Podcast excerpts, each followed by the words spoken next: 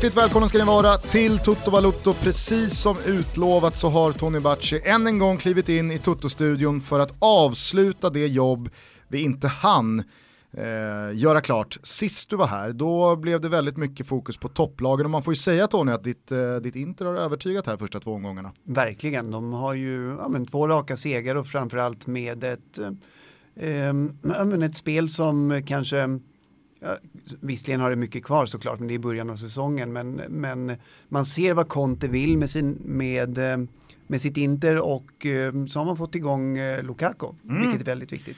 Eh, välkommen tillbaka i alla fall. Tack så hemskt mycket. Det var väldigt roligt när du var här sist. Mm. Det vi dock inte har pratat om än Thomas, det är lite slarvigt av oss.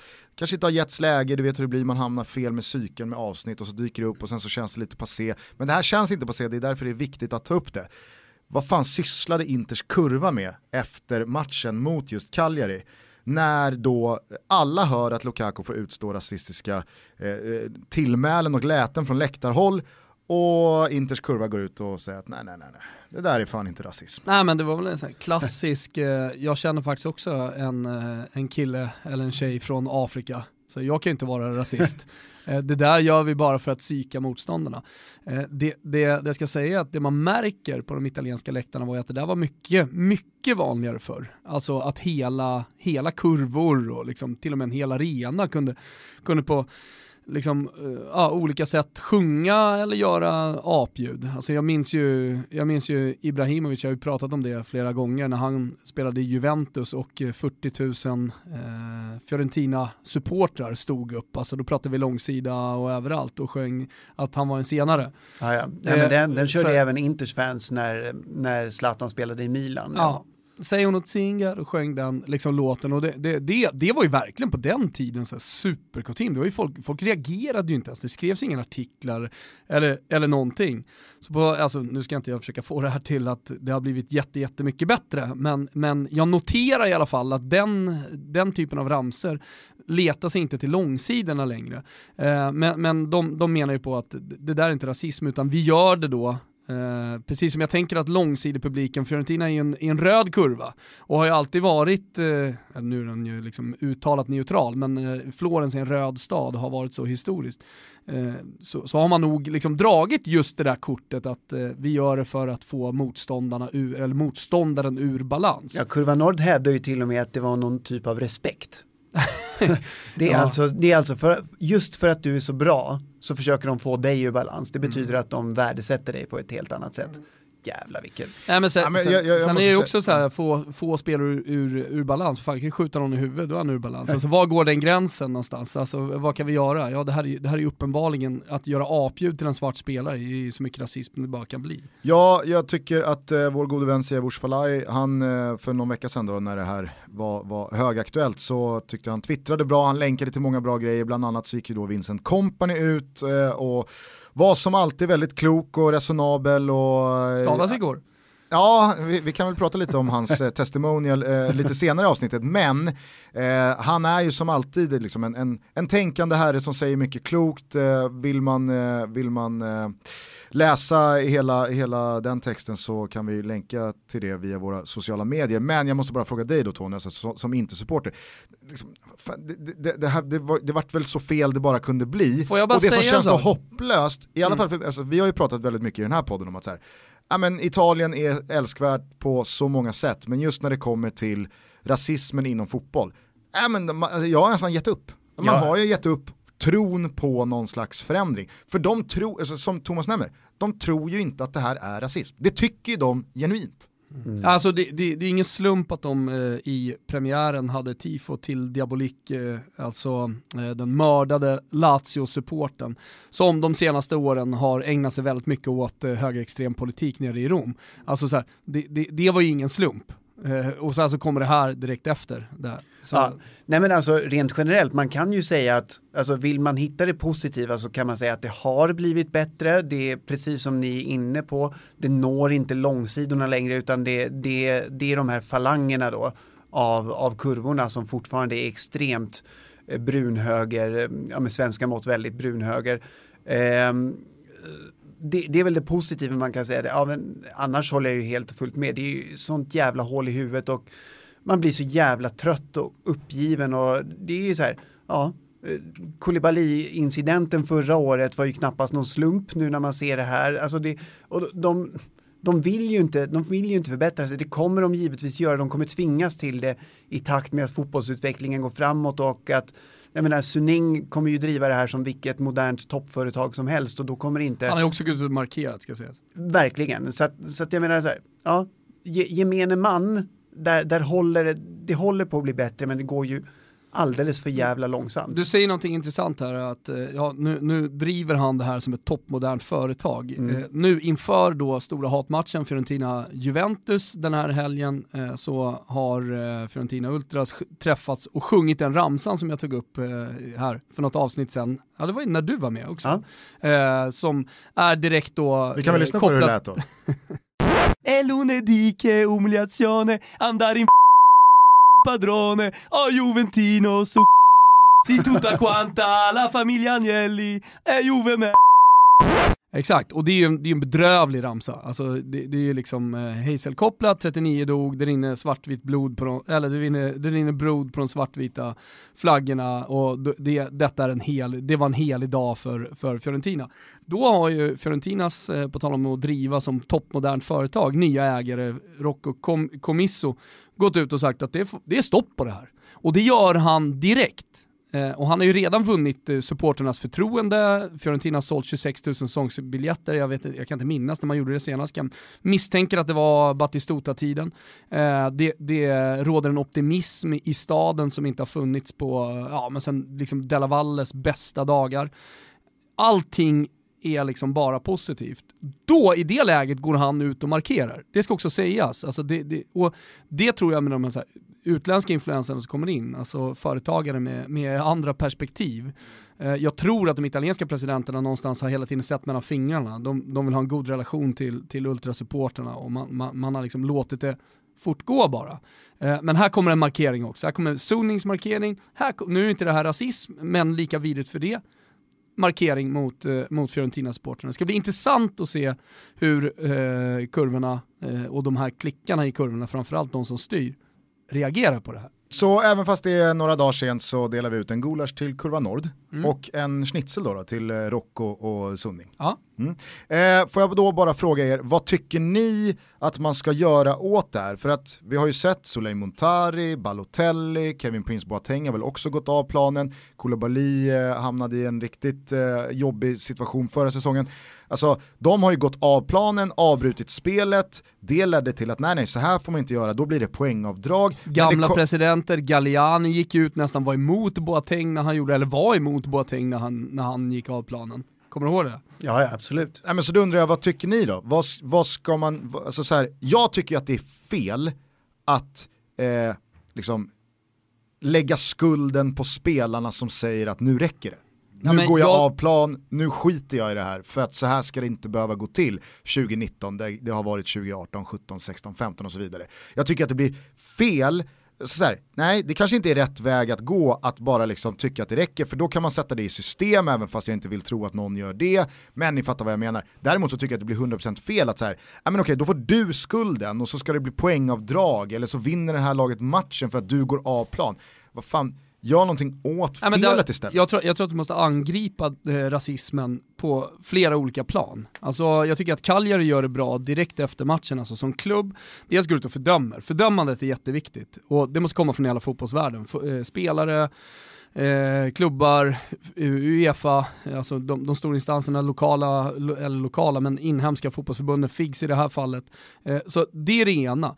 Sen, eh, sen så måste domarna tillsammans med spelarna och eh, tränarna i, i ett sånt läge när en spelare vill gå av plan snabbt kunna liksom, mötas typ. Eh, tänk eh, när eh, eh, det dras bengaler och det, det, ryker på de allsvenska läktarna så tar de av planen och sen så samlas de i spelargången eller de, och sen så har representanter från klubbarna och så vidare möten med domarna. Alltså det, det är ju det som måste ske. Mm. Så eh, om det är så att en spelare känner att, eh, och jag menar det är ju fler som hör, det är inte så att han är ensam. Då, då, tycker jag att alltså, den typen av avbrytning, gå ut, ha ett möte om det och så, så ser man gå vidare. sen så det, det Cagliari gör bra också, det är att de, de, eh, förutom att fördömer, säger att de, vi ska hitta de här individerna. Och vi kommer att hitta de här individerna. Och jag tror också att de kommer göra det. Så där är nästa grej. Italienska läktare, eh, till skillnad från engelska till exempel, har ju inte lika bra videoövervakning. Men det blir bättre och bättre och på vissa tror jag att du kan liksom gå in och identifiera i stort sett vem som helst. Eh, och i det här gjorde fallet... man ju också med Sterling där förra säsongen. Och... Nej men eh, så, så eh, bättre teknik för att, för att liksom, eh, kunna kolla i stort sett vem som helst på arenan, högupplöst, och gå in och straffa individuellt. Ja, och, och, och, ta bort så. de här. Så att jag, jag tror det finns säkert ännu mer att göra, men angrip det på flera olika plan. Jag är helt enig. Jag tror att individuella bestraffningar är den bästa och mest effektiva vägen att gå. Jag, alltså, min, min, första spontana reaktion det är liksom så här, ja men alltså, poängavdrag, tomma läktare, bötfäll. Alltså problemen med det, det är, ju, det är ju två. Det är ju att en otrolig mängd oskyldiga kommer ju drabbas av, av sådana bestraffningar. Och det andra är ju precis som du säger Gusten, att det kommer att sättas i system. Du, du vill inte tro det, jag, jag har inga som helst problem att tro att italienska furbokurvor, alltså alltså kommer att sätta det i system och, mm. och, och, placera infiltratörer som, som buar och så vidare. Det... Alltså poäng ska delas ut på plan. Verkligen. Så, så är det. Och alltid hitta personer som inte har någonting att förlora.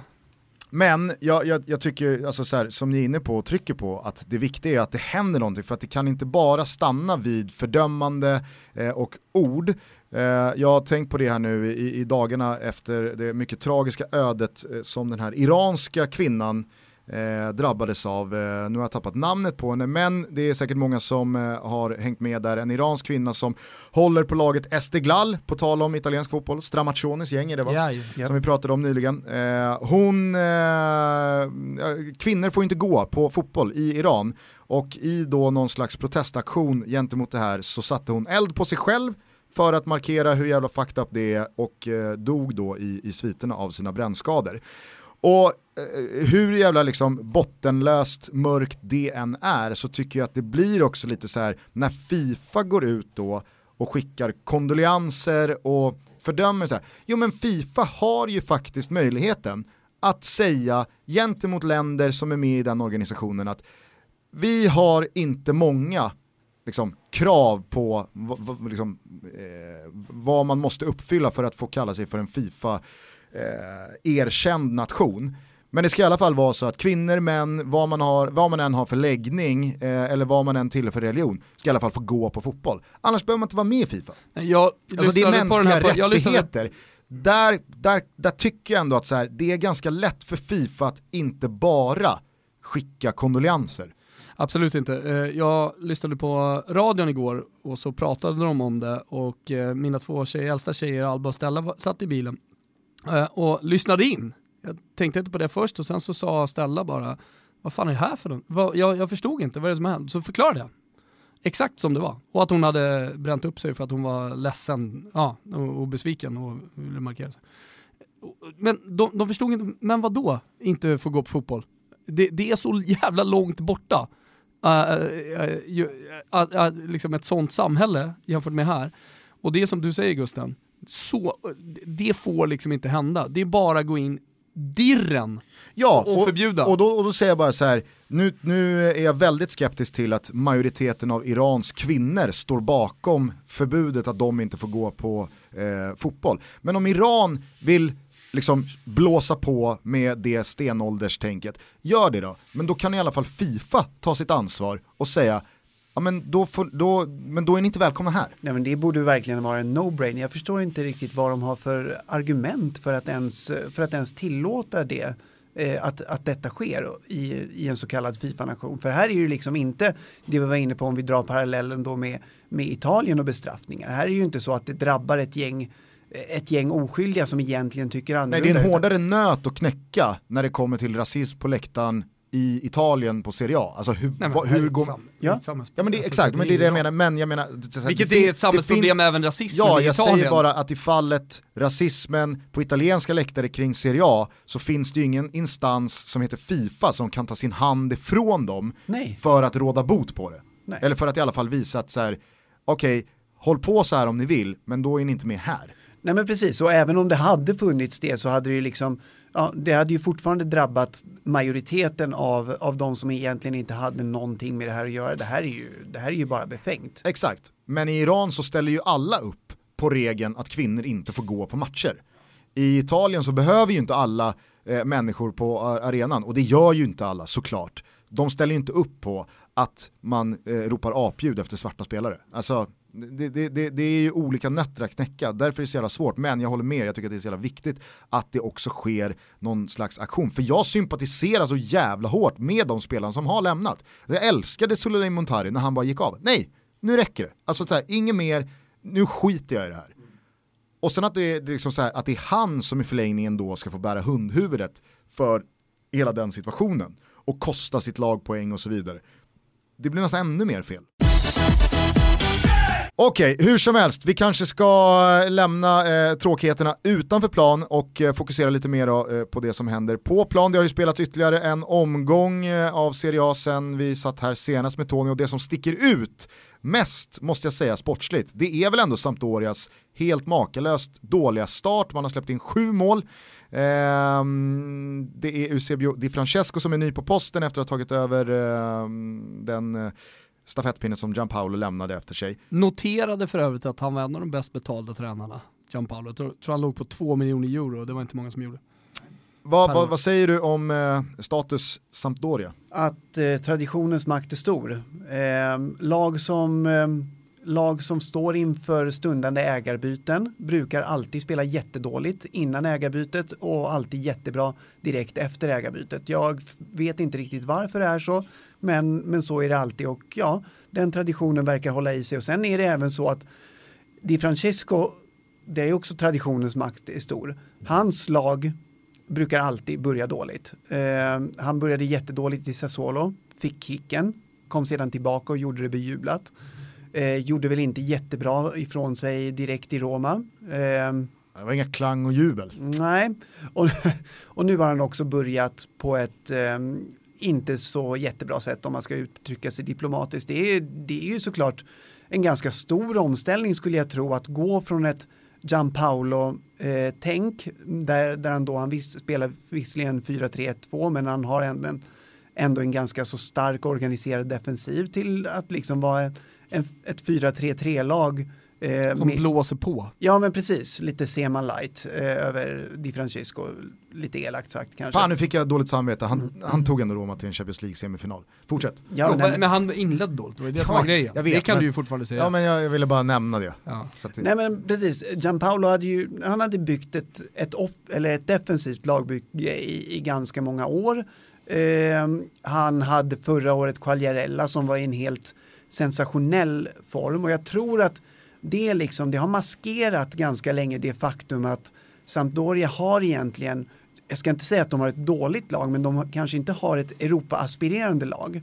Eh, ja, så att, så att det är liksom i kombination med, ja, men med en ny tränare, stundande ägarbyte och sådär. Jag tror att det ligger dem väldigt mycket i fatet just nu. Mm. Vad, vad, vad tror du Sampdoria går för framtid i mötes. Det har väl pratats väldigt mycket om Vialli och ägarbyte. Nej, men vi, vi, vi har ju faktiskt nämnt också, precis det Tony är inne på, med det här ägarbytet. Och det, det är alltid så här, eller ofta så här, när man står inför ett ägarbyte.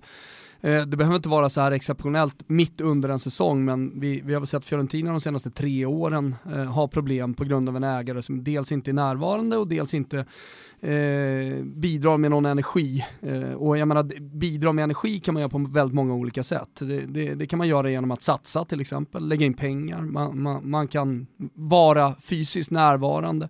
Eh, och speciellt då eh, med, med, en ägare som har varit rätt närvarande innan som Andrea Delavalle har varit. Så, att, så här, det är jag helt övertygad om ledde till att Fiorentina var indragen i en bottenstrid till slut, snarare än att Montella var kass. Eh, sen kanske det är så att Montella också är kass som också bidrog och eh, precis som Tony är inne på här, det, det bidrar såklart också att eh, FC Di Francescos lag inte kommer igång förrän efter någon månad i, i Serie A. Det krävs mer tid för att sätta ett spelsystem och allt det där. Eh, men, det är en men, ganska eh, drastisk omställning de ja, har gjort också. Eh, och sen så ska man komma ihåg också att Piazzan, supporterna, Blue Cerchiati i Genoa, de, de, hatar ju mer eller mindre sin nuvarande president. Eh, de, det har varit många protestaktioner under sommaren och de älskar fullständigt eh, tanken över att Vialli skulle ta över eh, klubben i och med att han är en sån legendar. Han var ju med och var en av de viktigaste personerna när man vann Scudetton scudetton till 90-tal. Så, att, så att jag menar så här, det, det, det, är, det är den eh, den stora hävstången här emellan att ha en president som man verkligen inte vill ha kvar i Ferrero eh, och, och han är ju dessutom den här ur, urtypen av eh, gammalmodig italiensk eh, president eh, med mycket känslor och till och med någon som man skrattar lite åt. Zamparini åt en glass och sparkar ytterligare en tränare. Visst, det kan vara charmigt och romantiskt för oss, men även Italien har kommit lite längre. Och förstått att det behöver inte se ut så här För det har sett ut som en clown många gånger ja, på så även, även, knyter, även italienarna, inte bara... halsdukar som bandana och... Jo, men även italienare, inte bara Italien-runket i Sverige, eh, har ju liksom gått ifrån lite romantiseringen av den här typen av presidenter eh, till att faktiskt se lite mer cyniskt på de olika situationerna. Nu har man dessutom då eh, bra exempel på hur utländska läger har kommit in och faktiskt eh, lyckats. Eh, vi har Bologna till exempel, eh, vi har, ah, jag ska inte säga Venezia jättemycket, men, men eh, Inter nu som går bra, eh, i alla fall en positiv start för Fiorentina med, med Comisso. Eh, och sådär. Så att, eh, det, det, är klart att ah, supportrar till andra lag eh, också eh, drömmer om att, eh, att få eh, en mer stabil ägare. Har man gjort för lite, tycker ni? Alltså, Men det hör ju också det... till ägarsituationen ja. och vad det är som händer. Alltså, det, det här, liksom, jag ska inte säga att det är en nedrustning, men det, det är ju däremot eh, någon slags stiltje i hela projektet när man står inför ett ägarbyte. Du, vill, du vågar inte satsa på samma sätt, du är rädd att inte få tillbaka de pengarna. Alltså, det handlar ju om allt det där. Mm. Ja, men jag tänker bara så här, Audero har kommit in på målvaktspositionen, Jakob Jankto från Udinese. Där någonstans tar ett slut i nyförvärv Samtidigt som man då tappar ja, framförallt då Prae till eh, Leicester. Mm. Nej men vadå, har de inte fått in Defrell? Defrell har de ju eh, plockat ja, från eh, Roma ja. Men ja. han har ju Thomas lämnat garanti på en gång för mycket kan jag känna. Jo, nej, men, men alltså, det är ju lite, nej, men, fram, framförallt det är väl inte... Problemet i Roma var att konkurrenssituationen såg ut som den var. Alltså jag hade ju hoppats på att han skulle få en flygande start och komma in där bra, men han var, han var lite mer en sampspelare. Jag tror att han kan lyckas där det, det, kanske han kan, men, men framförallt så är det väl så här, ja, men förra året, precis som jag var inne på eh, för några minuter sedan, så en väldigt stor anledning till att Sampdoria återfanns där de fanns, det var ju Fabio Quagliarella. Och jag menar... Och Gianpaolo skulle jag vilja lägga in där. Och Gianpaolo. Eh, nej men, och Fabio Quagliarella var ju i en jävla hysterisk målform och det är väl, han är, vad är han, 37 år nu och det är, väl, det är väl inte sådär jätte troligt, eh, även om man romantiken i mig såklart hoppas på det, att han upprepar den succén han, han hade förra året. Och jag menar, Deprell, ja han är väl en jättebra spelare men, men är han tillräckligt för att för att liksom väga upp för de målen som Quagliarella gjorde förra året. Ja, det är bland det farligaste man kan göra, att lita på en målskytt som är 32 plus. Ja. Alltså, det, det, kan flyga jättehögt i ett och ett halvt år, men att fortsätta liksom så här utgå från att det ska rulla på. Om det inte är Miroslav Klose. exakt. Ja, ja nej, absolut. Det finns ju några. Ja. Eh, men eh, alltså så här, kommer de tillhöra någon slags bottenstrid där eller ser ni eh, DJ komma igång och ändå segla i mittens rike tror, väldigt safe. Jag tror mycket hänger på vad, vad Ferrero gör och om Vialli och de kommer in. Eh, för att jag, jag, tror att det kommer vara stilt i det där projektet ända tills det händer någonting. Och, och det är klart att eh, Di Francesco kan göra någonting men det blir inte över halvan. Alltså det är för många andra lag som ser betydligt mer stabila ut, eh, som eh, har satsat under sommaren, vi har pratat om Cagliari tidigare till exempel, men alltså så här, de lagen med, låt oss säga en så likvärdig trupp ungefär. Om man tar spelare för spelare så ligger de ungefär på samma nivå. Eh, eller låg förra året, sen gjorde de succé tack vare Gianpaolo, Quagliarella och kanske Pret och, och så vidare, allt de fick ihop det. Men, men i år då, då ser jag andra lag segla förbi. Mm, jag tror att det kan bli bottenstrid om ja. inte Sampdoria sköter sina kort rätt nu.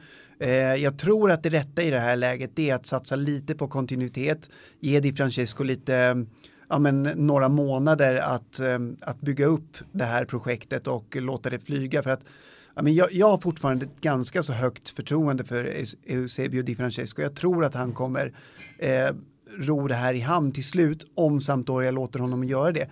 Jag är inte alls säker på att så kommer bli fallet och om, eh, om det blir kaos nu, om eh, säg att Di Francesco får sparken inom några omgångar, eh, det blir inget ägarbyte utan det här, den här soppan fortsätter att dra ut, ja då tror jag Sampdoria lever farligt. Jag tror att Eusebio Di Francesco kommer att vara kvar i Sampdoria. Eusebio Di Francesco, är inte det en jävla tungvrickare till namn? Jo, oh, det, det, är ett ruskigt namn. Alltså, vi ska komma ihåg att han var riktigt bra i Roma i slutet på 90-talet också. Scudetto. Ja, till och med. Men, eh, och han har ju en son nu eh, som, som är, helt okej. Okay ändå. Det är lite skillnad ute på kanten och, och, och, sådär. Nej, det jag skulle säga är Nej. att han tjänar för bra för att eh, Ferrero i det här läget som de, som de är i ska sparka honom och ta in en annan lönepost. Är du med? För de får ju fortsätta betala. Absolut. Så att, jag, det gör att jag, så länge det, så länge det är vet samma vad, ägare. Vet du vad man ser hända här? Di Francesco får ju sparken, tränar ju laget igen i mars. ja men, men det, det, de pengarna vill inte Ferrero lägga. Nej.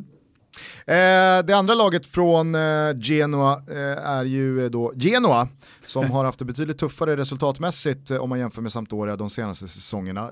fått en hyfsad start, fyra poäng här på två första matcherna. Ser ni då de här två stadsrivalerna byta lite plats tabellmässigt? Ja. Eller tillhör Genoa också botten? Nej, det tror jag inte. Genoa har gjort en jävla supermercato ja, skulle jag säga. Alltså, sett Vad till... tänker du på då?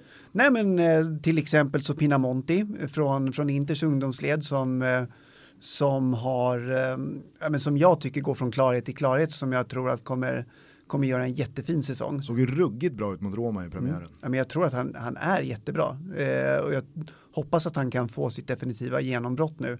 För att jag ser honom på sikt vara mogen för större uppgifter än så. Så att, eh, nej, jag tror att Genoa kan vara en jättebra språngbräda. Dessutom får man behålla, om vi fortsätter på Inter nyförvärv, målisen Radu. Som jag, eh, jag är så jävla imponerad av honom. Jag ser honom som en eh, naturlig eh, efterträdare till Handanovic. Eh, som, ja men, han kommer gå in efter, efteråt tror jag och göra det jättebra i Inter. Så jag tror att Ja, men han, han, gör det, han kommer göra det bra. Här bollar alltså Bacci upp två stycken uh, Interspelare med potential att komma tillbaka till Inter. Framtiden är ljus. Framtiden är ljus för Inter. Ja, men kortsiktigt så är det ljus nu. Tänk att jag fick det här samtalsämnet, även det här samtalsämnet fick jag till ett Intersamtalsämne. Ja. Det är otroligt. Ja, nej, men sen, ja, sen eh, gillar man ju värvningen av Lasse Schöne, men det kanske är för att man gillar Lasse Schöne. Och det är för att man gillar spektakulära mottaganden. Mm. Alltså vilket jag, det var ju det var Tobbe Linderoth. Tobbe Linderoth det, jag tror, det jag tror är viktigt med Lasse Schöne, eh, skämt åsido, det, det är faktiskt att han kommer in med en attityd och med en erfarenhet som inte fanns i, eh, i Genoa tidigare. Mm. Alltså, det ska inte underskattas att eh, göra värvningar som flörtar lite med fansen.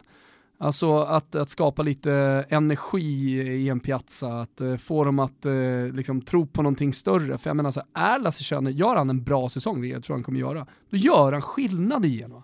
Så, så bra är han ändå, det tycker jag. Men eh, nu, nu eh, slår det mig bara eh, en, en tanke, möjligtvis en teori här, ni får väl skjuta ner den om ni tycker att jag är ute och cyklar. Men har inte danska spelare till framförallt då liksom provinsklubbar, mittenklubbar i Italien fått ett uppsving. Alltså känns det inte som att väldigt många klubbar under den absoluta toppen tittar mot, mot Danmark och danska spelare? Ja. De hade ju Andersen va, i, i Sampdoria, om vi pratar om rivaliserande klubbar. Han ja, såldes väl mittbacken äh... här, eh, i, det är väl Andersen, alltså mittbacken ja, som Sampdoria. Ekdal alltid körde eh, Insta-stories ja. tillsammans med. Och så Andreas Cornelius och ja, han har också varit där. Lasse Schöne. Ja. Eh, Udinese brukar väl kunna nu ha... Värvade ju, nu värvade ju faktiskt Atalanta, det är en värvning som har gått lite under radarn, vi har inte pratat så mycket om det, men eh, Precis. Simon Kjär då från eh, Sevilla.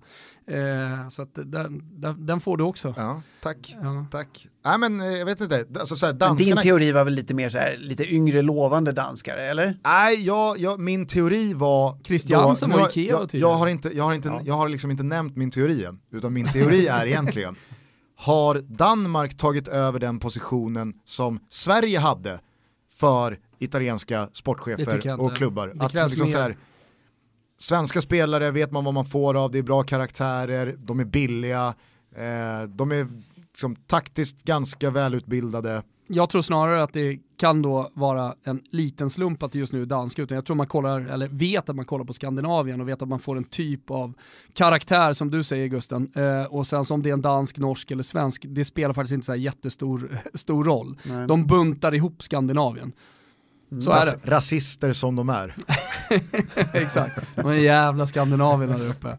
Fan de älskar vissa, eller många italienare att uh, åka på semester i Skandinavien just för att det är organiserat.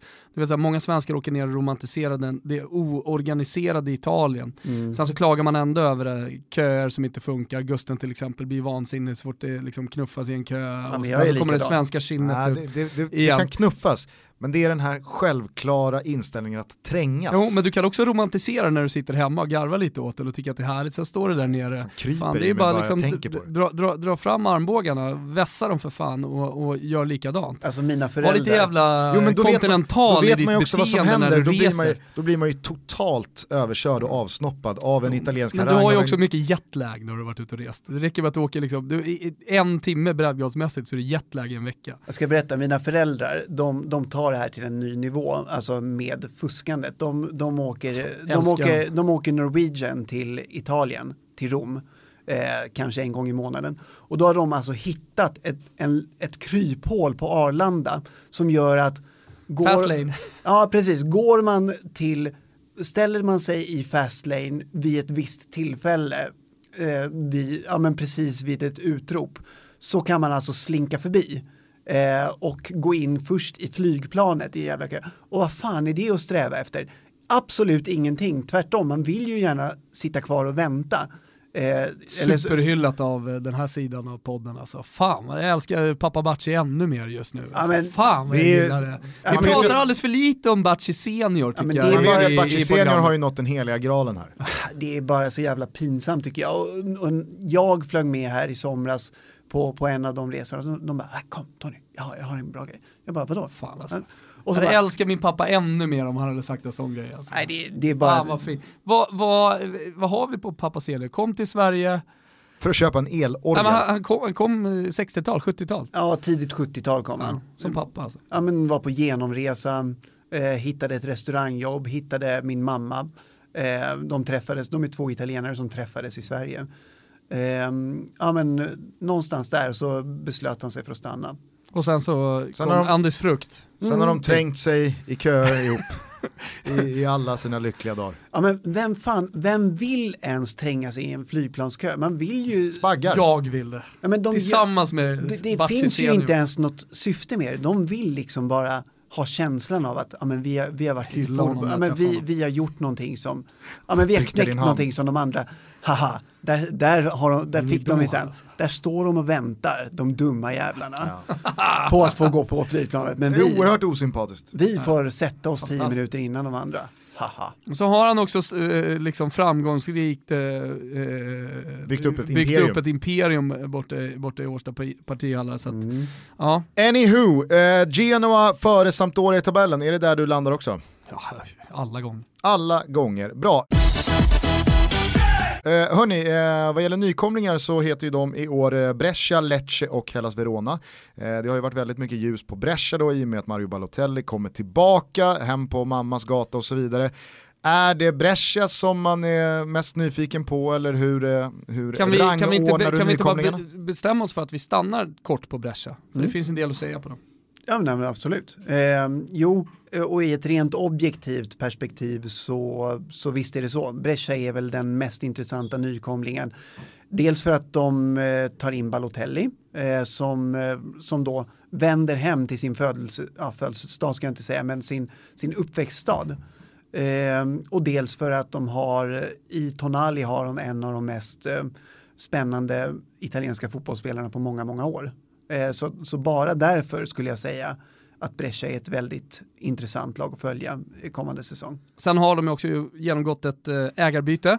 Eh, det är ju så att eh, Celino, tidigare Cagliari, tidigare Leeds har kommit in och är det någon som vet hur man tar upp ett lag från Serie B till Serie A och dessutom etablerar laget där.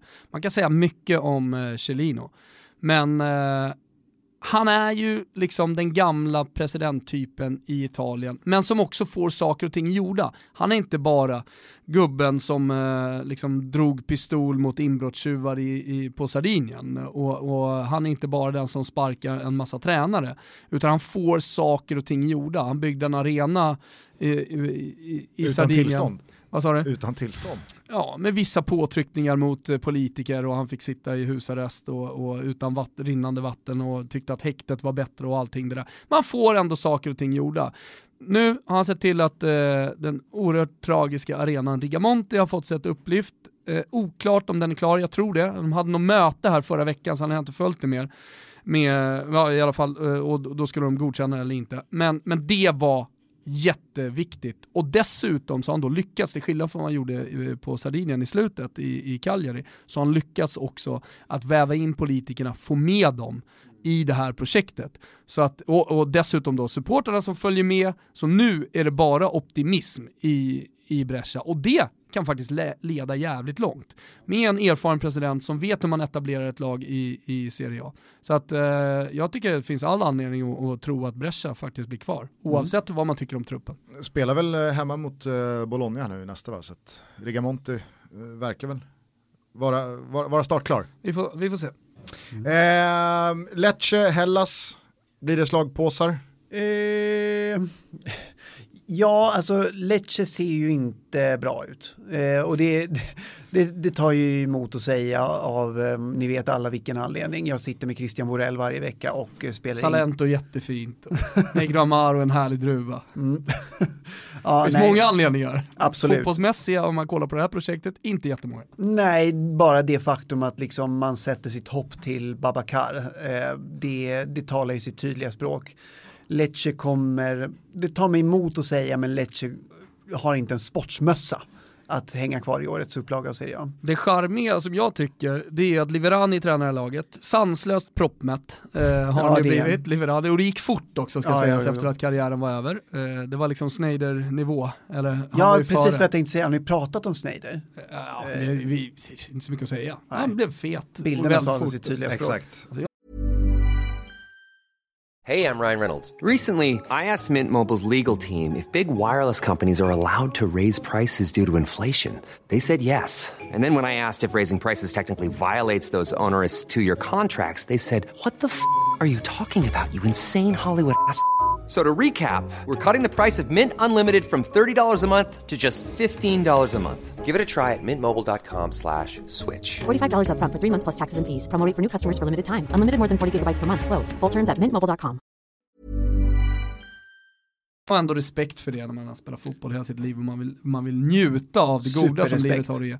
Men, eh, nej, men det, det jag gillade i matchen mot eh, Inter som man förlorade, det var att man åkte dit och lirade fotboll. Och ja. Liverani sa det efter, vi kommer fortsätta göra det, vi kommer mm. inte backa hem. Och, bara och det, det har ju alltid ju... bottenlagen gjort tidigare. Exakt, och bara det är ju egentligen ett kvitto på att det här kommer gå åt helvete. ja, och, vi får se, jag hoppas och, inte det. Och det är lite så här, ja men det som kommer med den naiva inställningen, eller den romantiska inställningen till att vi ska banne mig inte ändra på vårt sätt att spela fotboll, utan vi ska gå för och vi ska kliva högt och vi ska spela en offensivt flödande fotboll. Alltså så här, då ska du ju förlora matcher med 4-2 i alla fall. Lecce är, trots då sin inställning, det enda laget som inte gjort mål. Nej. Så att det, då, då, det faller lite liksom extra hårt. har inte Babacar riktigt kommit igång som Tony säger att så här, ja, Nej, men håll med om att Jag har ju någon slags evig tro på Babacar, att han är den nya Drogba. Jag, jag, jag, jag, ger det två år till att han blir, var inte han också lite late bloomer? Ska hålla oss borta från det där, svartspelare med svartspelare, det har vi ju lärt Fast det är Elfenbenskusten båda två. Så att i Elfenbenskusten så har man sagt liksom, det här är nya Zlatan Ibrahimovic som vi säger liksom. Eh, och oavsett om det är Alexander Isak eller om det är, vem fan var det som var nya Zlatan tidigare? Det var ju någon här äh, som inte blev nya Zlatan. Ja men Guidetti ah, ja, men har väl fått det epitetet? Ja absolut, det har jag fått. Fan, kommer ni ihåg, eh, var det Nike-reklamen på Stureplan? Mm. Tronarvingen. Den måste vi sluta nämna nu. Nej, men jag tycker att i det här sammanhanget så, så har det sin plats också. Nej, Lecce. Mm. Nej, men sen, sen är det väl så här, 4-3-1-2. Jag älskar, älskar, älskar det spelsystemet, men... Trekvartisten är tillbaka, ja, det är bara därför du älskar det. Ja. Två anfallare också, må, må så vara. Men, men i vilket fall som helst så är det så att ska man lyckas med ett 4-3-1-2 så ska man ha bollen i 65-70 procent eh, av, av speltiden eh, det funkar i Serie B för, för eh, topplagen där. Kommer man till Serie A med i stort sett samma spelarmaterial och ska gör en och pretendar och spela 4-3-1-2 med ett bollinnehav på 30 procent. nej då är det spelsystemet alldeles, alldeles för sårbart. Det kommer inte, det kommer inte flyga. Eh, Liverani kommer att, han kommer säkert, gö, han kommer säkert inse det här, göra de nödvändiga förändringarna, men det kommer att vara för sent. Liverani ska sägas är en tränare som jag tror stenhårt på i framtiden. Han är, han är redan nu går att argumentera för att han är mogen större uppgifter eh, än, än att eh, leda Lecce och han har ju han har varit påtänkt för, för betydligt större uppgifter och sen valt att bli kvar. Eh, det, det är väl Liverani som någonstans skulle kunna tala emot att det blir en superflopp för Lecce, eh, men inte ens han tror jag kan rädda det projektet. Eh, Fios eh, polare då, Hellas, är de bara tillbaka i eh, Serie A för att visa hur en slipsten ska dras i decibellen på läktaren? Nej, det tror jag inte. Nu vann de med 1-0 här mot, eh, mot Lecce. Eh, det är ju det laget med eh, ja, lägst budget, spelar lönebudget. Det kom ju ut de här klassiska siffrorna från Gazettan som alltid inleder säsongen, eh, kommer alltid i landslagsuppehållet av någon anledning. Eh, men de, de kommer nu och det, det, är inte så att de har satsat eh, jättemycket på nya spelare heller. Eh, men eh, nej, de, kommer, de kommer vara där i botten eh, precis och kriga om, om ett kontrakt. Eh, och sen så får vi väl se om Juric, eh, liksom, kan, tränaren alltså, har, har något mer, kanske lite mer cyniskt sätt att se på fotboll som, som gör att de blir kvar. Men det blir ett krig såklart. Då tycker jag att vi tar oss till Sardinien, för där finns ju ett Cagliari som jag vet att Thomas har väldigt högt upp i sina tankar. Däremot en svajig inledning. Ja, en svajig inledning. Det var lite tråkigt. Men eh, det beror på olika saker Om man fick sin eh, anfallare skadad eh, eh i, i första matchen egentligen. Nu var det en knäskada såg jag. Eh, Chiellini var och hälsade på honom. Chiellini knäskadad var och hälsade på Pavoletti på, på sjukhuset med kryckor och den här stora jävla grejen. Eh, så tillsammans får de väl kriga sig tillbaka eh, till fotbollsplanen. Men eh, nej. Det känns som att den, det, liksom det samtalet dog snabbt.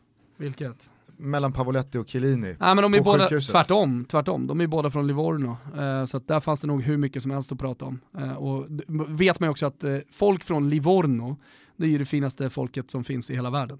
De är ju Det är otroliga. deras dialekter? Nej, det, de är, det finns inga som är så ironisk, ironiska, sarkastiska, humoristiska, men samtidigt med, med stor integritet, eh, stolthet över var man kommer ifrån. Alltså det, det är bara ett fantastiskt folkslag. Vi kan bara lägga in Braveheart här så alltså, får de höra. Il prigioniero desidera dire una parola.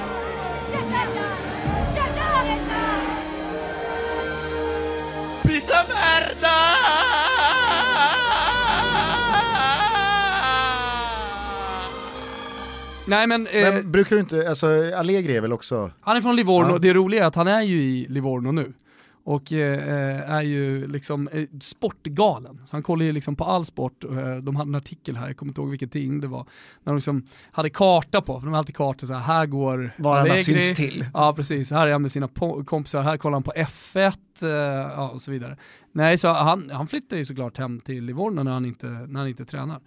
Eh, så att jag tror nog tvärtom Gusten, vad, vad, du tror, att det samtalet var nog ett ruskigt fint samtal. Där skulle man velat vara med. Ja, då får jag väl ta på mig dumstruten mm. då. Vet du att man kan eh, i Livorno, liksom, precis bredvid arenan, äta ostron? Oh. Ja, längs eh, Via del Mare, eh, där vid eh, Armando Picchi, så har de ostronstånd som kommer direkt från eh, havet. Otroligt det är, fint. Det är något annat än korvarna som säljs runt svenska arenor. Det är någonting annat. Ja. Värt att hylla. Värt att... har du också en god känsla trots en dålig start kring Cagliari? Jättebra. Jättebra. Jag hade, ju, jag hade ju egentligen tänkt ha det här som en, som en spännande pitch. Att få liksom eh, hissa Cagliari eh, som har börjat säsongen med, med två raka förluster. För att jag tycker att, jag tycker att Cagliari har ett potentiellt topplag på gång. Alltså inte topplag men, men åtminstone för den övre halvan. Eh, de har ju ett, ett mittfält, ett innermittfält med där Nainggolan självklart är det stora dragplåstret och, och affischnamnet.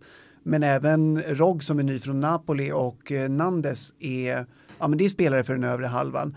De har ett, ett anfall där Pavoletti visserligen är skadat nu, men sen där ersatte de ju väldigt fint med, Mm. med Simeone som vi pratade om eh, förra avsnittet. Var ska han hamna någonstans? Sen är ju Det- Thomas eh, edsvurne nemesis kvar. Joao, Mario. Joao, Joao Pedro? Nej, Ja, Pedro. Ja, jag, Ja, jag- Mario, han, det är inte jag, så- jag säger också Joao alltid Pedro, fel på de ja. två. Men han, han är ju, jag hade inte riktigt koll på honom innan den här incidenten med bollen och, och det där som var, vilket för övrigt var ett ja, jävla toppsegment i, i, det var Calciomania va? ja, det var det nog. Ja. Kan ha dragits här också. Mm, ja. Det har nog kommit upp här. Mm, ja, men det är värt att lyssna på. Mm. Eh, det var så här, ja, men jättebra. Jag spelade upp det även för folk som inte var fotbollsintresserade som tyckte att det var en jävligt rolig historia att berätta. Eh, vilket det också var.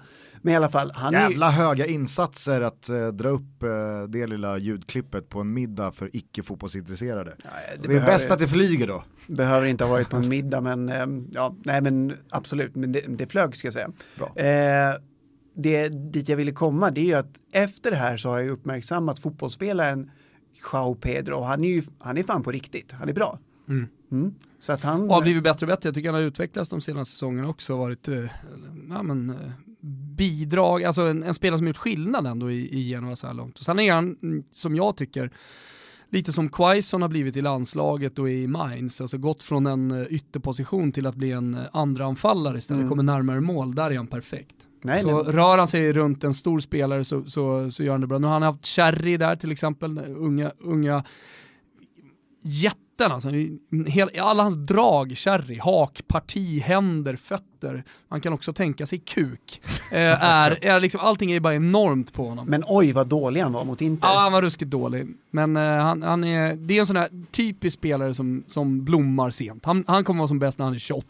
Men jag måste bara fråga dig, ser du det i eh, Rogg som inte jag ser? Nej, men För alltså, jag tycker inte han är speciellt vass. Alltså jag ska, ska väl villigt erkänna att jag inte hade så här superkoll på honom. Jag, jag hade sett honom lite grann i Napoli. Och sen så såg jag så har jag sett honom nu de två första matcherna och, nu i Cagliari så tycker jag han har varit jättebra. Jag fick nästan känslan av att liksom så här, Napoli-supportrarna nästan ironiskt jublade när Rogg byttes in. Som Nu Interfansen med Gabigol. nu byter vi in vår sämsta spelare, men han kämpar i alla fall. Så att vi Han älskar är honom. stenhård, det är ju det. Eh, sen såklart då, på tal om Cagliari, ur ett eh, svensk intresse, Robin Olsen inlånad från eh, Roma. Nu är inte han purung, men det är nog bäst för Olsen att han gör ett par bra matcher här nu inledningsvis, för att annars kan han karriärmässigt hamna riktigt snett. Absolut, och det man ska veta här det är ju att han är inköpt som ersättare för Cranio som då är en, ett av Italiens stora, stora målvaktslöften. Eh, nu är han, eh, han är ryggskadad och opererad. Eh, så att han är borta minst en fem månader som säkert blir ännu längre eftersom ryggskador och målvakter inte är den bästa kombinationen kanske. Eh, så att, men, men Olsen i Cagliari lever ju på lånad tid så att jag vet inte, hans förhoppning med det här klubbytet är väl att han spelar tillräckligt bra fram tills Kranjo är tillbaka för att när Kranjo är tillbaka så tror jag att han kommer att ta första tröjan alldeles oavsett. Mm, och att Och han då- har således ett bra eh, Att han har ett läge bra inför nästa namn. sommar. Ja. Precis, att han byter klubb då. Eh, för att jag kan liksom inte se det på något annat sätt så det är ju ganska risky business måste jag säga av Olsen och hans agent att eh, välja just det här. Samtidigt så var de i ett, ett jävla läge, eh. Olsen crew, eh, för att eh, det ville sig inte. Han kom ju ingenstans och de försökte i Frankrike och det var egentligen Spanien inga, också. ja, in, inga, inga superklubbar Nej, men det var väl för hans del så att säga som, som stod på rad och ville ha honom och fönstrets slut närmade Exakt. sig och då kom skadan på Kranjo och det här läget dök upp. Så han ska vara jävligt glad att han spelar från start i en Serie A-klubb. Det var väl egentligen det som var det stora liksom, eh, hindret för honom för att han var väl i stort sett klar för, var det Lille? Eh, i, I franska ligan. Montpellier, Montpellier, ja okej. Eh, och så sprack det då i sista sekunden på grund av det här agentstrulet och då stod han liksom utan en plan B. Eh, och nej, men precis som Thomas säger, han ska nog vara väldigt glad att det här tillfället dök upp. Men det är fortfarande risky och eh, för att taktiken måste ju vara att spela upp sig och få ett bra erbjudande inför nästa säsong. Eh, en eh, spelare och kanske framförallt ett lag som vi inte har nämnt, det är ju Bologna och där finns ju Mattias Svanberg. Eh, om vi bara ska börja med status på Senisa Mihailovic. Eh, många såg nog eh, den leukemisjuke och eh, chemo, eh, liksom, vad, vad säger man? eh, behandlade Ja. eh, serben stå på tränarbänken i premiären va, borta mot Hellas. Mm. Men vad, vad, är, vad är status nu? Var det bara liksom så här en one time thing? Nej, eller? han, var även ska på, köra han, han var även eh, på hemmamatchen och... Eh, Nu kommer han efter- inte vara med Nej. nu i eh, helgen. Nej. För att nu börjar... Nu börjar PGA. Ja, strålbehandlingen. Mm. Eh, nu börjar fas 2 i strålbehandlingen. Eh, så nu kommer han inte, nu kommer han inte vara, nu är det ett par intensiva veckor som han har framför sig och sen så får man se hur kroppen svarar på det. Mm. Men han är, han är sjuk eh, och, och liksom behandlas för leukemi. Eh, så att Det, det, det, det man har skrivit eh, lite optimistiskt är ju att eh, den första behandlingen har gått bra, värdena ser bra ut, men Mm. han är fortfarande leukemisjuk och måste fortsätta behandlingen. Men då finns det bakom honom då en ass som kör när inte han är med eller fasar man ut Senisa här nu? nej, alltså, och har någon som så här, ja men huvudansvaret är ditt här nu. Nej men Bologna har ju varit väldigt tydliga med att eh, Sinisa Mihailovic är vår tränare den här säsongen. Eh, så att han har, han har huvudansvaret. Eh, den assisterande har väl få- fått en lite större roll och kliver in då när, när Mihailovic på grund av sin sjukdom inte kan ha hand om laget. Jag har ju sett eh, Claes Ingesson göra någonting liknande, att hela tiden när han har kunnat försöka vara på plats och bidra i Elfsborg. Det fanns ju Eh. också eh, världens bästa tränare, Peter Wettergren. Mm, absolut, om. absolut. Och där var Claes och bidrog med allting, all, hans erfarenhet och ledarskap och allt som han hade att bidra med. Vad, vad ser ni för säsong då för Mattias Svanberg? Eh, nej men han kommer, jag tror att han kommer spela eh, och han kommer att, eh, han kommer säkert göra det bra. Jag, jag tycker att han, han har nog alla möjligheter att, att ja, men göra bra ifrån sig och ja, kanske ta nästa kliv i sin. Ja, men det tror jag alltså, framförallt där som jag tycker är viktigt, det är att klubben tror på honom. Mm. Alltså klubben satsar på honom, man pratar väldigt positivt om honom. Sen är det ju sådär i, i vissa klubbar att man är försiktig med de här unga talangerna, man vill inte bränna dem. Alltså man, man ger inte liksom, allt förtroende, förtroende eh, första säsongen och dessutom utländsk, eh, man vill att de ska lära sig italienska riktigt ordentligt, komma in i det. Eh, men precis som Tony säger så kommer det vara en säsong där han får mer och mer speltid. Sen är det upp till honom att leverera såklart också när han väl spelar, så det, det vet man ju aldrig. Men, men eh, att man tror på honom från klubben, det är det viktiga. Ja, och jag tror att om det här nu löser sig för eh, Janne och landslaget och det blir en EM-plats så kan jag ju absolut se både Svanberg och Kulusevski som de mer eller mindre ordinarie i Serie A en hel säsong absolut göra anspråk på Ja, ja. en plats i EM-truppen. Ja, nu var de ju bäst på plan, det var en andra halvlek mot Irland i U21 eh, EM-kvalpremiären eh, som var riktigt usel, eh, men det berodde inte på dem. Men första halvleken så var det ju mer eller mindre Svanberg Kulusevski show och det var också Kulusevski som spelade fram till, till Svanberg, det här är ett nytt lag, de har inte jobbat eh, tillsammans, allt det där, alltså, man får väl ge det där tid, men, men var det två stycken spelare som stack ut, ja Dahlberg i mål också gör en straffräddning som är otrolig. Men annars, annars tycker jag absolut det är de två, man ser att det är på en annan nivå. Eh, och eh, Svanberg är dessutom kaptensbinden i u landslaget lyssnade på honom i intervjuer, känns mogen och, och ja, men så här, snart redo verkligen för ett svenskt landslag. Men där spelar han ju, u landslaget spelar han ju på ett centralt mittfält. Han är ju i Bologna hela tiden huserat på en kant. Mm. Så att eh, man, man får se lite vad som är hans position, känns lite som en Sebastian Larsson på ett sätt.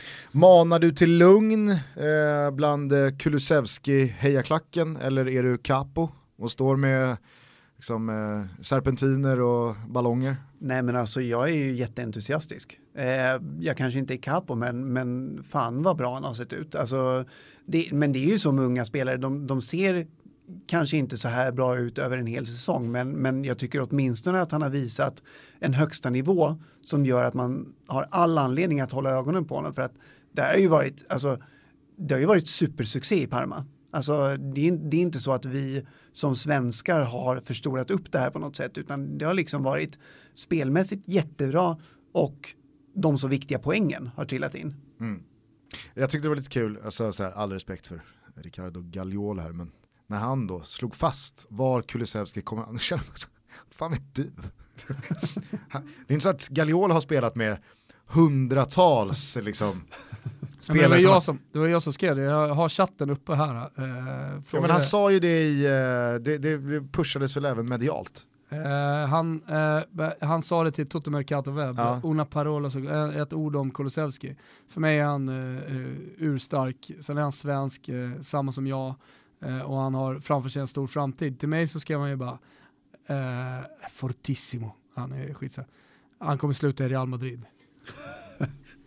Ja, får vi se om Gagliolo har eh, ögat eller om Fenomen bara använder han också, Eller fenomen. om det kanske är Gagliolo som då är capo i eh, Kulusevski det är han ju uppenbarligen. Men hur är, hur är Gagliolos svenska? Ja, den är risig. Obefintlig eller? Nej, inte obefintlig men risig. Mm, okej. Precis som alltid så är vi sponsrade av våra vänner på Betsson och nu när ligorna drar igång igen till helgen så har vi knåpat ihop en Toto-trippel som ni hittar under godbitar och boostade odds. Du tänker både med hjärna och hjärta här eller? Nej, jag tänker mig gärna. Fiorentina har ju fått en usel start om man kollar rent poängmässigt. Förlust mot Napoli och sen så eh, förlust mot Genoa. Men det var en riktigt bra match mot eh, Napoli. Och eh, det var på hemmaplan. Nu har man sedan en vecka tillbaka sålt slut eh, så att det är fullsatt. Eh, man har ju som jag sa tidigare 26 000 säsongsbiljetter också, en otrolig optimism. Jag tror att eh, Montella har nu under landslagsuppehållet också fått jobba ytterligare. Så att det blir ett Fiorentina som gör en bra match. Och gör man en bra match mot Juventus då tror jag att det kan leda till en pinne. Samtidigt som jag tycker att Juventus inte har sett sådär briljanta ut. Och det är, det är inte förvånande. Sarri med lunginflammation och allt det där, de kommer ju vara helt överlägsna vad det lider det är ett bra, det är ett bra läge tror jag att möta Juventus eh, för Fiorentina. Så att eh, de förlorar inte, det, är- det är min, min, min ingång här. Och det måste väl ändå lira lite med ditt hjärta? Alltså, så det är skönt att, kunna säga det och tro på Juventus. det, men eh, det har ju funnits någon gång när jag känt att det här åker vi på däng. Jag är inte en sån som Kviborg, alltid lirar Real Madrid minus 2,5 liksom. Etta kryss då i matchen Fio-Juventus, det blir ditt bidrag. Ja. Eh, sen så tar vi två spel från eh, söndagens Premier League. Vi tror att det blir över 2,5 mål i matchen mellan Bournemouth och Everton. Jag tycker Everton ser betydligt svajigare ut defensivt än vad deras målkvot hittills har indikerat. Eh, framåt däremot så tvivlar jag inte på dem och Bournemouth, det gäller lite samma sak där. De är bättre i offensiv riktning än vad de är bakåt, så att eh, över 2,5 mål där. Avslutningsvis då så åker ju Arsenal och slår Watford på Vicarage. inåt Trots helvete. att man har gjort ett tränarbyte, Kiki Sanchez Flores är, är nygammal på jobbet och så vidare. Troy Deeney ryktas vara out, så att nej, det här ska Arsenal lösa med Aubameyang och Lacazette och Pepe och Ceballos. Ceballos och hela gänget. Såg han i? Spanien, matchen här nu? Fin, Ja, nu- fin, fin, fin. Fin, fin, fin. Given i FPL också. Den här hittar ni som alltid under godbitar och boostade odds på Betsson.com. Vi säger stort tack till er. Vi skickar in en liten Nakata-tröja som en kicker. Det gör vi. Det blir väl fint va? Jajamän. Du eh, Tony, eh, Fio Juventus eh, ser man ju på Simor. det vet du va? Absolut. Jag gjorde, en, jag gjorde en sån jävla blunder för att jag fick, jag fick info härifrån då om att, om att eh, eh, Strive skulle sluta med, med La Liga Serie A, MLS. Så, eh, så att jag tecknade ju liksom simor abonnemang direkt. Och sen, efter några dagar senare, så fick jag ju då veta att, eh, Det var erbjudande. ja precis, att det var erbjudande att, att vi hade Du var lite chansen het på hanen där. Absolut, jag bara shit, nu händer det här. Vi måste, ja, vi måste vara med. Eh, när Men vi händer. och Simor tackar och tar emot. ja, ja. Det, det kan ju vara transparent och Ja. säga. Sen hade det säkert kunnat lösas om jag hade mejlat och varit tillräckligt på De har det, så där. superkundtjänst. Så att det, Ja, det, men sen tänkte jag så här, orkar det 100 spänn mer i månaden? Det, Ni andra som ännu inte har tecknat ett abonnemang i alla fall och inte är så sugna på att betala det Tony gör, ni får Serie A, La Liga, all EM-kvalfotboll och dessutom Zlatan och MLS. Ja, och nu går vi in i en jävligt intressant period. Nu börjar Champions League och allt det där i ligorna. Skitkul att kunna följa det, vad som händer i ligaspelet. Vi har ett EM-kval som är sanslöst, där man vill se andra matcher också. Ja. I och med att det bara är ett par matcher kvar här. Och dessutom MLS, Zlatan torskade i natt. Nu halkade de ner, vet du Gugge, Mm, jag såg det. utanför playoffplats. Jag såg ett highlights-paket från den här matchen och att, att den ligan alltså har VAR Jo, och släpper igenom så många Ja. felaktiga domslut. Det Jo men att säger den, en del. om- att den ligan tillåter att ligan drar igång trots att spelare är på landslagsuppdrag fortfarande. Det är ju också sinnessjukt. Eh, hörni, ni ser ju som sagt allt det här via Simors kanaler och ni tecknar ett abonnemang för en spottstyver. Om man Så är nu inte heter Tony Bacci. Ja. Eh, bra, eh, jag tror dessutom att det är Svanen som kommenterar Fi och Juve. Det är det! Så jävla vad jag ska Vicky Blomé gör också säsongsdebut efter att ha blivit mamma här. Välkommen och, tillbaka. Eh, missat säsongsinledningen. Så att svanen eh, Blomé kan bli eh, din eh, Irish luck. Eller din kryptonit. Ja, så är det. Vi har också Pepsi med i Totobåten. Det är vi såklart superglada för. Vet du vad som har hänt här igår? Eh, Alltså nu ska vi väl in och tävla Ah, med Pepsi Max Lime. Så är det och här ställer vi oss, eh, vi som älskar höstpepsin. Förut, du vet Tony, en Pepsi den, den tar man ju på sommaren med lite is och sen så lägger man i en limeskiva, citrusskiva på något, en, en citronskiva. Sen finns det ju då den mer höstiga varianten som jag tycker, Pepsi Max Lime med redan limesmak. Jag vet. Inte hålla på med det här uh, is, iskuberna liksom. Nej, men jag är en stor konsument av just lime-versionen av Pepsi. Ja men du hör, du ska Pepsi. Fin den här detalj också. också kring höstpepsin är att den inte behöver vara så kyld. Den är god, Den är god ändå. Ja, det är så jävla god smak på den. Nej, Men det är alltså en av tre som har blivit nominerad till det prestigefyllda priset Årets dagligvara. Känn på den hörni. Och det är alltså det finaste pris man kan vinna för en lansering inom dagligvaruhandeln. Och man konkurrerar mot produkter i samtliga kategorier inom dagligvaruhandeln. Jag har aldrig hejat på någonting mer än vad jag hejar på Pepsi Max Lime Ja, i slut- den här tävlingen. Så är det, slutliga vinnaren kommer att koras den 9 oktober på eventet Fast Moving 19 i Stockholm. Det ser vi fram emot och uppdatera. Jag tror ju att eh, Pepsi Max eh, Lime, det är en stor favorit här. Go Pepsi. Go Pepsi. Vi ska börja runda av, är det någonting du tycker att vi har missat här nu i eh, säsongsinledningen av Serie A 1920? Är det någonting som upptar och ockuperar dina sinnen som du inte riktigt har fått av ditt brösten? Nej men jag, jag tycker väl att det mesta har vi fått med. Vi har ju liksom årets toppar, årets överraskningar i det positiva, årets floppar både på, både på lagnivå och på individnivå tycker jag vi har fått med. Skytteliga-vinnaren eh, har vi ju, eh, det är Djeko. I men, jo men han vinner skytteligan under, under Fonseca, det, det, det är jag tämligen övertygad Jag om. märker till att Ronaldo gjorde fyra mål för Portugal här. Mm. Det är han och Lukaku emot då. Ja, det är Ehm, de tre. MVPn har vi inte, har vi inte pratat om. Det, är- det är ju helt klart Petagna i spall, apropå smala referen- referenser. Ehm, nej men Fan vad trist, jag trodde att vi skulle kunna klara oss två avsnitt utan att ens nämna spall. varför skulle man Spall vilja är nämna Ingen som bryr sig om spall eh, här i, i Sverige liksom. Alltså, så- så är det. Ja, det är Christian Borrell emot. Jo, fast bryr sig han om spall? då? Jo, det gör han. Eller det, bryr sig han om spall för att ingen bryr sig om spall och därför bryr han sig om spall? Ja, Fast det- egentligen bryr han sig inte om spall. det är ju en klassisk Borrell och eh, det skulle mycket väl kunna vara så.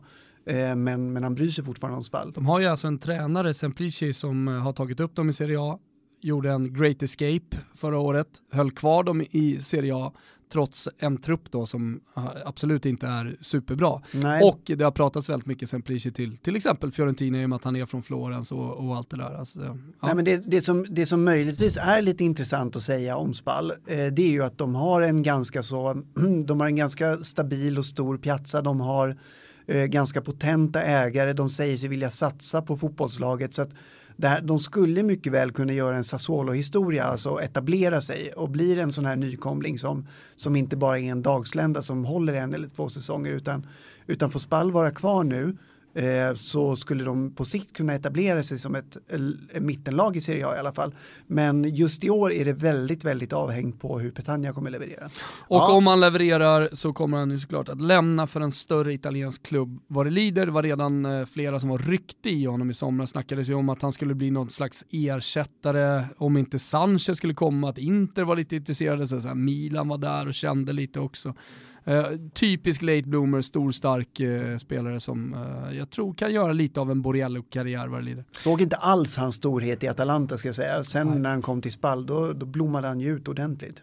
Nu har ju eh, Thomas eh, redan eh, nämnt den, men eh, jag, jag tycker att vi från eh, Toto-kontona också kan länka till den här eh, lönelistan som har kommit ut då, som den alltid gör så här års. Var det någonting därifrån du tyckte stack ut? Jag skrev ju att det mest magstarka, det var ju att eh, Sergej Milinkovic-Savic, alltså när han förlängde sitt kontrakt, mycket, mycket oväntat för ett drygt år sedan, när han då efter säsongen 17-18 var bäst i världen. Eh, United, Real Madrid, andra storklubbar nämndes som att de kommer betala en miljard här nu för, för eh, namnteckningen. Att han där och då förlänger sitt kontrakt och skakar fram 2,5 miljon euro i årslön.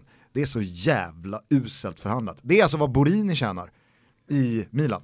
Jo men det är, det är vad man tjänar i Lazio också. Alltså, ska man vara kvar där så är det inte mycket mer pengar som erbjuds. Exakt, och det är ju det Milinkovic Savic agent ska ha sagt.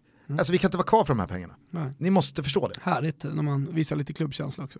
Om det, är han ju det, om det är det som har hänt. Du tror ju också precis som jag att, han var en, alltså, så här, att det var en usel förhandling. Ja.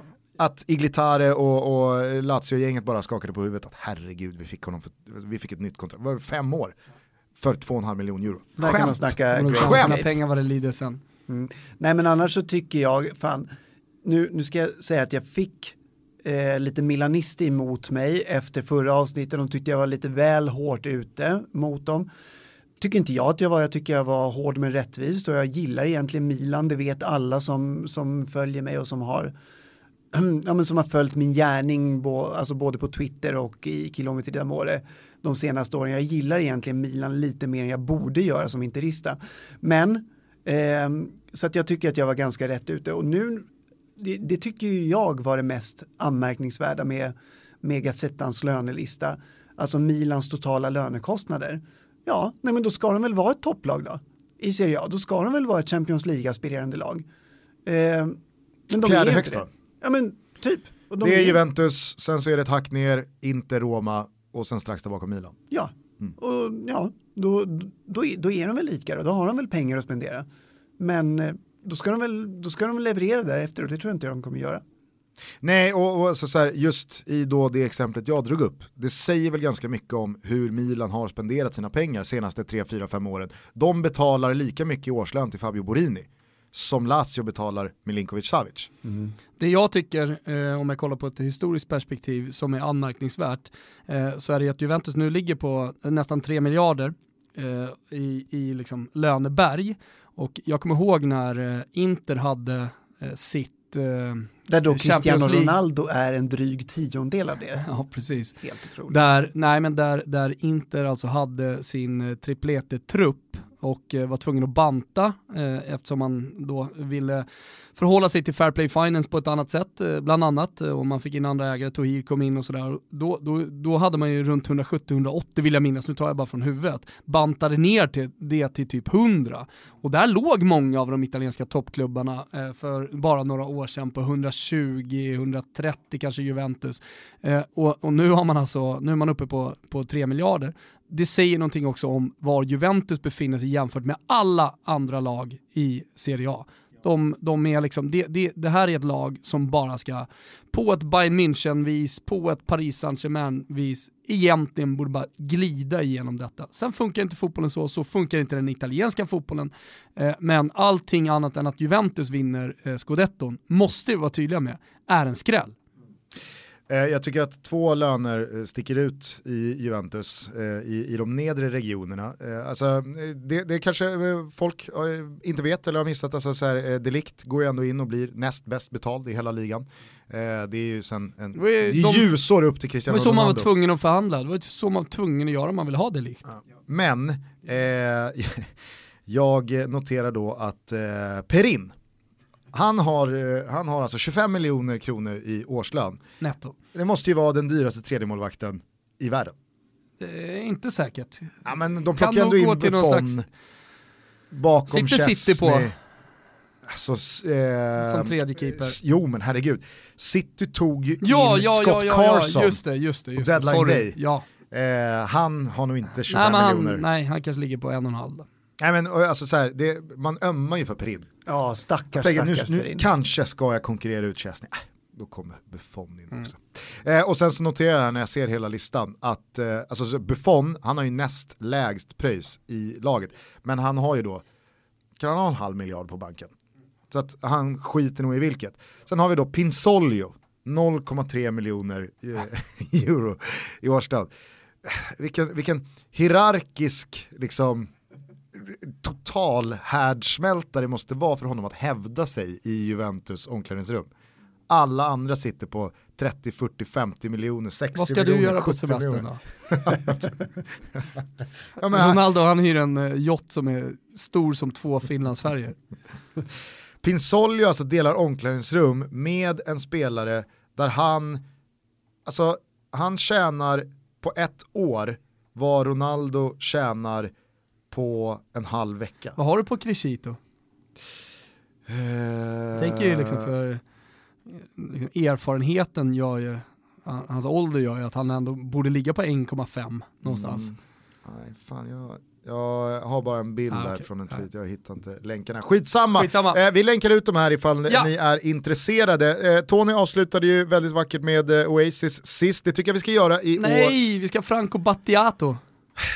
Måste vara lite italienskt. Fan jag tänkte ju liksom Fina, så här fina segwaya mig då till cliffhangern Vincent Companys testimonial. Det är Manchester City, Oasis är eh, City och så vidare. Men okej, vi, vi kanske ska avsluta Det får med, fan med vara lite italiensk. Franco Ita- Battiato, det kommer alla gilla. Fan, jag som ville gå ut på Britney. Britney Spears? Ja. Det blir inget av det här Tony. Sen Nej, ska men, det... eh, såg, ni, såg ni någonting från eh, Companys testimonial? Kul såklart att han är skadad i sin egen testimonial och inte kunde vara med. Eh, men jag, jag tyckte också att det fanns liksom många nuggets från matchen som spelades. Gary Neville drog sin baksida för första gången i karriären. Fin stund. Och sen så visade ju Paul Scholes att han är kanske den bästa mittfältaren som aldrig spelat i Barcelona. ja. Mm.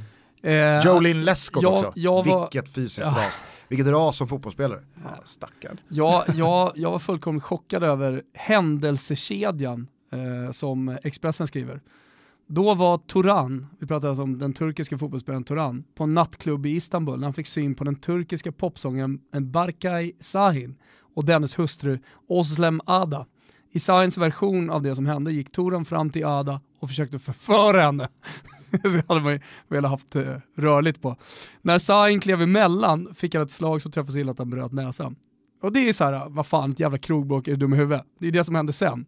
Toren ska därefter ha sökt upp Sahin på sjukhuset, räckt över en pistol. Skjut mig om du vill, ska Toran ha sagt. När Sahin vägrade ta emot vapnet, ja då avlossade Toran själv ett skott i golvet. Toras döms nu för misshandel och olaga innehav, två års fängelse villkorligt så han kommer inte skaka galler.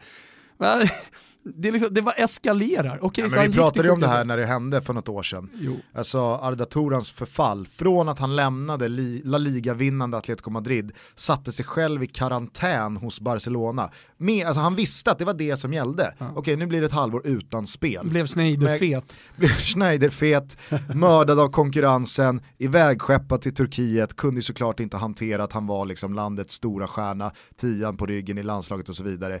Eh, gick väl till Basakshir va, alltså Erdogans eh, Istanbulklubb, och har ju fullständigt kört Jo, här, i, i diket. jag, jag, någonstans köper man ju något slags, även om man ska fram och förföra henne, nu är det Expressens ordval. Alltså allt det där, så här, vad som händer på krogen, ja, men det stannar lite på krogen. Eh, man ska såklart inte slåss, eh, men det som händer sen, man tänker att så här, fan, det är ganska långt till sjukhus, du ska åka den här vägen, du hinner ju ändå tänka ganska mycket. Ja, men han, hade väl, han hade väl reflekterat över det här och kommit fram till Ja, att det, jag ska, det är det enda Jag ska ta med mig en pistol och så ska jag be dem skjuta mig. Om man inte skjuter mig, då ska jag reagera med att skjuta i golvet. Ah, hur som helst, så är det. Nu ska vi lycka, eh, ly, lyssna på eh, lite Franco. Kul att du kom hit Tony, Kul ännu en gång. Ja. Eh, följ Tony på eh, Twitter, han är väldigt duktig, både vad gäller eh, Inter och eh, italiensk fotboll. Ibland också är du lite, lite putslustig och underfundig även kring annat. Nej, men jag vill ju tro att jag är en framstående samhällssatiriker. Jag gillar också att du pratar om det du, det du har uträttat senaste åren som din gärning. Ja, det älskar jag också. eh, innan vi slutar så ska vi också hälsa. Ja just det. Bra Thomas, tack.